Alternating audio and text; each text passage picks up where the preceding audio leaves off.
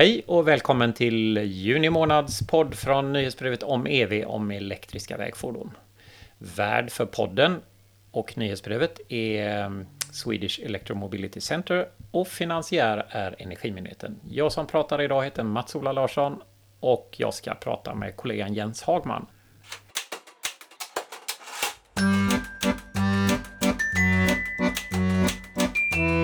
Ja Jens, du har varit på Electric Vehicle Symposium i Sacramento i Kalifornien. Det var den 36 eh, symposiet i ordningen har du berättat för mig här. Ja, det är en två och en halv dagars konferens kan man väl säga, möjligtvis tre. Eh, som där forskare från hela världen möts, forskare, företag och myndighetspersoner. Eh, framförallt kanske myndighetspersoner från den lokala eh, närheten då. I det här fallet så var det i Kalifornien. Och sen huvuddelen i konferensen är forskningspresentationer kan man säga. Man har skickat in kortare konferenspapper som sen presenteras antingen genom posters eller via en presentation då, i olika sessioner. Så det är ett fullt program kan man säga under tre dagars tid. Då. Finns det någon inriktning eller är det spretigt allomfattande? Vad var din uppfattning? Ja, det är ju elektrifiering såklart. Eh, lite liknande som vårt nyhetsbrev kanske. Lite spretigt, det kan vara många olika eh, ämnen som tas upp. I, I det här fallet är det min känsla att det var framförallt kring infrastruktur. Både från sessionerna och från de som ställde ut. Det finns också en mässdel där olika företag kan ställa ut. Framförallt var det ju laddboxar på olika sätt. Om det är operatörer eller tillverkare.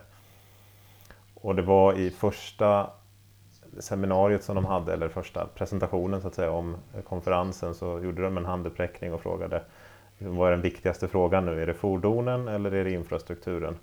Och nästan alla röstade ju på infrastrukturen, så det kanske tyder lite på vilka som är där också. Nu har ju du gått på ett urval, eh, så vi, vi ger oss inte eh, ett urval av seminarier såklart. Eh, och vi har inte ambitionen i podden idag att liksom ge en överblick utan vi vill snarare göra några nedslag där du var, råkade hamna och vad dina intryck var. Kan du berätta något som du eh, var med om? Ja, det, den första frågan som slog mig, den skrev vi faktiskt ett nyhetsbrev som skickades ut den här veckan också i, i måndags. Ehm, och det är den här nyheten som kom några dagar innan om att GM överger CCS-standarden, alltså laddstandarden eh, i USA eller Nordamerika till fördel då för Teslas standard som heter NACS. Och det var väl liksom, säga, elefanten i rummet på konferensen tycker jag. Det var flera sessioner där man började med att ah, men okej, vi kanske borde diskutera det som har hänt. Eh, vad, vad, ser ni deltagare? Vad, vad, vad, är effekten av att både GM och Ford ska faktiskt tilläggas har gått över nu till den Tesla-standarden? Så det var en väldigt viktig diskussionspunkt på konferensen och det var mycket snack om det också på lunchrasterna och på fikapauserna. Eh, och därför så valde jag att skriva om det också. Jag tror att det är en väldigt stor nyhet så det var kul att vara i USA när det faktiskt hände. Mm. Vad, när de pratade om det, vad, vad var det som var huvudfokus då? Vad är, vad är det som är så intressant för de som var där? Dels är det väl intressant att veta varför de har gjort det, Ford och GM. För de har ju än tidigare satsat mer eller mindre helhjärtat som jag har förstått det på CCS. Och det är ju den man har använt i Europa också. Men sen är det också intressant att veta vad, vad är konsekvenserna framöver. Och till exempel så sa jag det att det fanns många som jobbade med laddinfrastruktur på olika sätt. Och för dem blir det ju en väldigt stor förändring i USA. Helt plötsligt så måste man byta, det räcker ju inte bara med kanske bara byta själva uttaget utan det handlar ju om eh, protokoll och det handlar om mjukvara, hårdvara och kontroll för den delen också. Vem är det som kommer ha bestämma hur den här standarden ska utvecklas sen? Troligen är det ju Tesla som kommer bestämma det. Mm. Men det finns en hel del osäkerheter. Sen kom väl även lite sådana här nationalistiska argument in lite att det kanske är bra att vi har en amerikansk standard som är gjord i USA för amerikanskt syfte. Jaha, det, man pratar höra. om det på det viset? Ja, lite off the record i alla fall. Ja. När jag pratade med folk på, i fikabordet. Det är intressant. Jag har inte stött på den aspekten när det gäller laddinfrastruktur i Sverige eller Europa. Att man har haft någon sorts ska man säga, regional syn på det där utan det är ju bara att man väljer standard så att alla gör likadant. Så att man slipper den här tidiga, det var ju två olika standarder i Europa när det begav sig. Det fanns en japansk och sen så utvecklades den europeiska som i Europa har bestämt sig för är standard. Om man nu kan säga så. Mm. Men det har man mera Precis. upplevt. Jag har ju mer upplevt det som någon sorts, ja vilken är den vanliga och så kör vi på den. Det kanske har funnits andra aspekter också men jag har inte känt det så tydligt. Men det, USA är ju lite speciellt på det sättet att det här med Made in America är ganska viktigt och det tyckte jag såg på även andra sessioner där det var en, en del av föredragen är ju företag som berättar, alltså som är med som experter men de smyger ofta in lite smygreklam kring sina produkter. Jag kommer ihåg speciellt ett, en session, det var en, en kille som pratade om en, jag behöver inte säga vilket företag det var, men eh, de jobbade med laddinfrastruktur i alla fall. Och det var mång, fler än en gång han berättade att liksom varenda komponent kommer från USA och vi, vi siktar på att allting ska vara amerikanskt eh, i hela flödet. Eh, liksom Buy in America. Det är en väldigt viktig marknadsföringsgrej tror jag i USA som det kanske inte är på samma sätt här. Vi lever mer i en global marknad där vi är okej med att det, produkterna och komponenterna kommer någon annanstans ifrån. Ja, vi är ju vana vid det. Sen så finns det ju geopolitiska skäl som vi ju märker ibland när vi skriver i vårt nyhetsbrev. Även här och när man lyssnar på inhemska tillverkare så ja, man har ju koll på var någonstans fordon görs eller var, var vissa av leveranskedjorna kommer ifrån och sånt. Även här, men eh, om du upplever att det diskuteras på ett lite annorlunda sätt på konferensen du var, har, tror du att det har något att göra med den här Inflation Reduction Act, alltså att det finns eh, lagkrav och, och incitamentsystem som styr mot just inhemsk tillverkning? Kan det spela roll? Ja, kanske, men det är frågan vad som är hönan och ägget här också. Mm. Att man valde ju också att göra IRA på ett visst sätt. Att det skulle stödja en amerikansk industri framförallt, det är min tolkning av den. Ja. Och det är så man har sålt in den. Ehm, och gör man det därför att det kanske är mest politiskt accepterat? Det är frågan. Just det. Eller att den har Mm. faktiskt förändrat eh, hur folk tänker på det. Ja, det är svårt att svara på, men jag tror att det finns en annan typ av nationalism kanske i USA när det kommer till sådana här frågor. Ja. Att man vill ha kontroll. Ja, när du säger detta så kommer jag ihåg att det fanns ju en föregångare till IRA-beslutet, alltså ett första förslag som inte var lika protektionistiskt om vi ska kalla det så, som ju eh, inte fick en majoritet och där man gjorde om det mycket mer åt det här hållet. Så det har du faktiskt rätt i. Det första förslaget var ju kanske mer likt Europa i det avseendet att vi vill stödja eh, teknik som övergår till eh, mindre växthusgasutsläpp och annat som är bra med elektrifiering. Men här var det mera vi vill stödja inhemskt producerad eh, ny teknik. Det, det är intressant, för jag var på en paneldiskussion när man diskuterade just den här frågan och då var det ju någon som frågade då, men okej, IRA och då, det faktum att man kräver amerikansk bakgrund eller amerikanskt innehåll, kommer det öka kostnaderna för det här, den här omställningen? Och då var väl ganska entydigt svar från panelen, ja det kommer det göra, men det är värt det. Mm. För vi har kontrollen och det skapar amerikanska arbetstillfällen. Så att kostnaden för omställningen kommer bli högre, men det görs i USA. Ja, något annat som du var på som du tycker är kul att berätta om? Jag tycker en fråga som var kul, som jag också hoppas kunna skriva ett nyhetsbrev om, det är att den här rättvisefrågan är väldigt viktig. Eller åtminstone var väldigt viktig på konferensen. Där man vill då att mycket av de statliga eller delstatliga pengarna ska satsas på, som de kallar det, disadvantage communities. På svenska kanske det hade varit problemområden eller låginkomstområden möjligen. Ehm, ganska stor andel av de här pengarna till exempel för publikladdning, laddning stöd till elbilsköp kommer att skickas till de här områdena.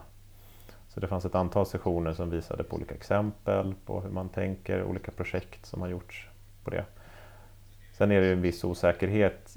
Pengarna har ju precis annonserats kan man säga, så man vet inte hur det kommer ske i praktiken. Mm. Det tyckte jag var lite intressant, för det har vi pratat om i Sverige. Det här med att det kanske är dyrare att ladda publik till exempel. Eh, och, och bor man då i lägenhet, en hyresrätt och har lägre inkomst så kommer man ha högre laddkostnad jämfört med en villaägare.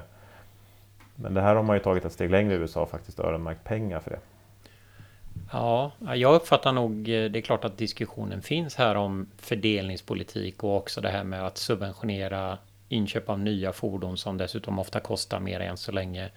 Att det gynnar vissa grupper och givetvis då har man allokerat skattemedel just dit så kan man inte använda det samtidigt till något annat och så. Men den diskussionen är inte särskilt högljudd i åtminstone inte i en svensk kontext och några andra länder eh, som jag har tittat lite på så uppfattar jag att den diskussionen är ganska lågmäld än så länge. Så där är det mm. lite annat tonläge i USA då uppenbarligen. Åtminstone där du var nu då.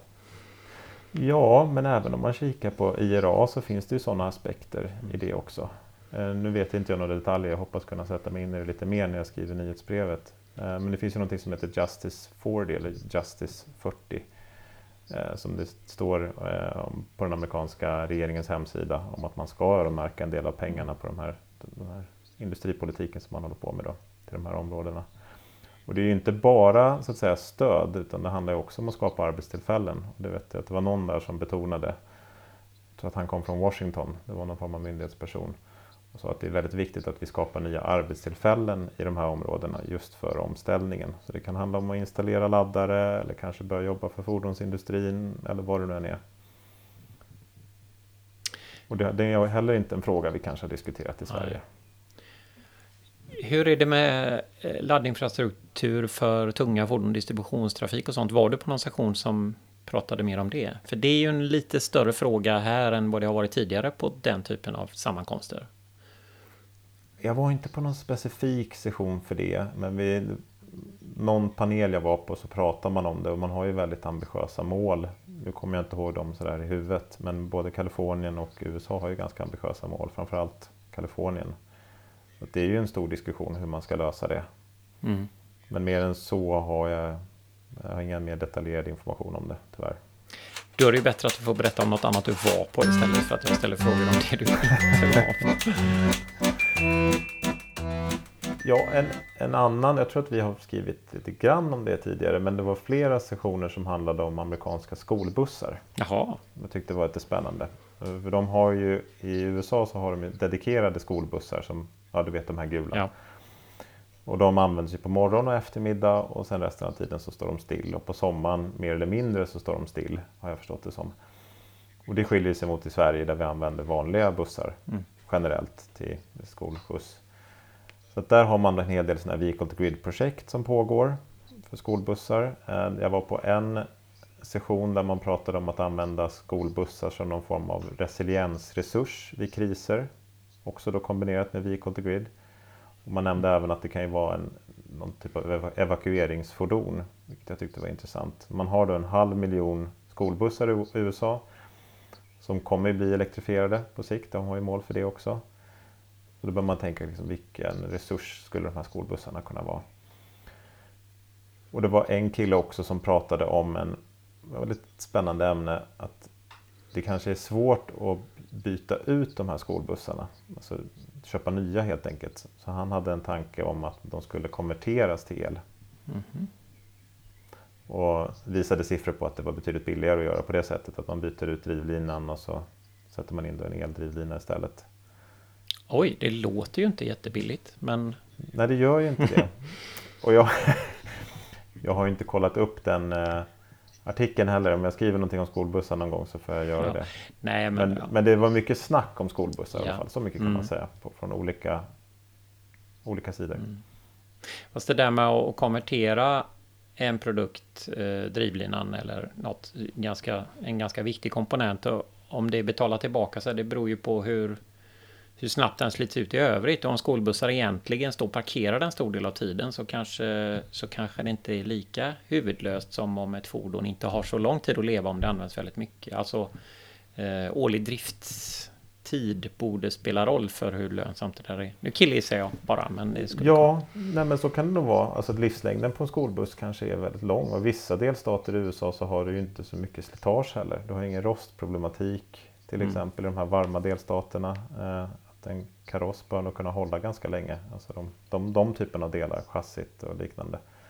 Om de inte används så länge. Men nu killgissar jag också lite grann. Så vi kanske får skriva ett brev om skolbussar i USA. ja, det är bra. Ja, du, eh, hörde du någonting om eh, vätgas? Inte så mycket faktiskt. Eh, det nämndes i förbifarten några gånger. Jag tror att det kanske fanns någon session om vätgas men det var ingenting jag gick på. Nej, men det var liksom inte en stor, om du tittar, du har ju ändå lite känsla antar jag för du tittar på programmet, vad ska jag gå på, vad ska jag hoppa över? Då får man ju, det var inte mycket vätgas i programmet så vitt du minns? Nej, nej. inte vad jag minns, nej. Eh, råkade du gå förbi något program eller någon poster om batteribyte då? Nej, det gjorde jag faktiskt inte heller. Missat massa. Ja, man undrar om du var där överhuvudtaget. om du bara har läst programmet. Nej. Men jag tycker, nej, jag tycker inte det var så mycket kring batteribiten heller. Eh, och det är ju frågan om det finns någon sån här Kina-aspekt kring det också då. Att det händer mycket i Kina på batteribyten. Mm. Det fick man ju höra ett antal gånger. Att vi, liksom, Kina är, vill man inte koppla in för mycket i den amerikanska övergången till elektrifiering. Ja. Ja, något mer? Det var bara några nedslag där. Är det något mer som du tyckte utöver det du har sagt? Nej, alltså en annan reflektion kan väl vara, det här är lite mer anekdotiskt, men, men det känns som att det ligger ett antal år efter och det ser man ju på försäljningssiffrorna också. Mm. Men jag tycker en hel del av presentationerna från amerikanska parter kanske är typ, typ av studier som vi gjorde i Sverige för fem år sedan. När man tittade till exempel på kännedom kring elfordon och hur man laddar och sådana där ganska basala saker kan man kanske tänka. Eh, och de, jag har ju en koppling till USA. Jag studerade i området för 20 år sedan och jag träffade lite gamla kompisar och det var ganska så låg kunskap om elfordon. Det är väldigt anekdotiskt såklart men även mina bilintresserade kompisar hade nästan ingen koll. De visste att Tesla fanns. Men förutom det så, så var det liksom bensinbilar som gällde. Mm. Det är ju en väldigt intressant reflektion där, va? även om detta inte är en studie utan det är, det är dina iakttagelser. Men det där med att varje land eller aktör eller på något sätt måste lära sig lite grann. Man kan ju tycka att det finns mycket skrivet på engelska som de skulle kunna läsa. Men det, det, det intressanta är ju vad amerikanska köpare med amerikanska förutsättningar och amerikanska pengar är intresserade av och kan och hur man når dem. Så det går inte bara att överföra det. Och jag tänkte nämligen på Norge och Sverige där ju Norge, ja vi, vi har ju tittat mycket. Många som forskar eller jobbar med marknaden för personbilar åtminstone har ju tittat på Norge hur de har gjort. Men det har ju gjorts väldigt mycket studier i Sverige också av ungefär samma sak. Men inte alltid med samma svar. Det är alltid något som skiljer. Mm. Den kontexten är annorlunda i USA, det får man väl inse. Att, vi tänker bara rent anekdotiskt också, så såg man ju fler elbilar, framförallt Teslor i städerna. Så fort man ger sig ut till landsbygden så var det mycket pickuper. Mm. Och det, det, här är ändå då Kalifornien som kanske inte är den mest, vad ska man säga, landsbygdsfokuserade delstaten mm. i, i USA. Men det var, inte många mil utanför Sacramento för att man, man såg i stort sett bara stora SUVar och pickuper. Och jag hade någon diskussion med någon kvinna där också som vi pratade lite om storlek på bil. Och hon trodde att det var helt omöjligt för amerikanerna att ha mindre bilar. Utan det är snarare så att de det måste vara samma typer av bilar men elektrifierade då. Och det ser vi också såklart att det kommer ett antal pickuper nu. Mm. Vad är det om du säger med några ord, vad, vad är det som inte är lika då? Om du liksom sammanfattar den där känslan, det amerikanska. Ja, men jag tror att det som är inte lika kanske är då att man har mer fokus på lite större fordon, helt klart, personbilar då. Eh, och sen verkar det som då, då man ser den här diskussionen kring CCS till den här Tesla-standarden då, NACS. Så det är väldigt viktigt med att saker och ting ska vara smidigt. Det var ett starkt argument som många upprepade om att den är faktiskt, laddhandsken är lite lättare och lite mindre. Så den här, det är kanske lite mer kundfokuserat i min känsla. Mm. Det är väldigt viktigt att det ska vara enkelt. Och det är vissa som kanske kan ifrågasätta, är det så stor skillnad på de här två handskarna egentligen? Men det var liksom ett viktigt argument som lyftes flera gånger på konferensen. Mm. Och så nämnde du det här med rättviseaspekten på tillgänglighet på laddinfrastruktur och sånt som en, en skillnad också. Ja, det är en väldigt tydlig satsning på det. Mm cirka hälften vad jag har förstått av pengarna ska gå till disadvantage communities i laddinfrastruktur i Kalifornien. Um, och det är ju en relativt stor summa. Mm, det det. Ja, och därmed så är vi färdiga för idag med podden från om EV, eh, nyhetsbrevet som har Swedish Electromobility Center som värd och Energimyndigheten som finansiär. Jag pratade med Jens Hagman som hade varit och rest i USA och jag som gjorde det heter Mats-Ola Larsson. Musiken är skriven och framförd av gruppen Vintergatan.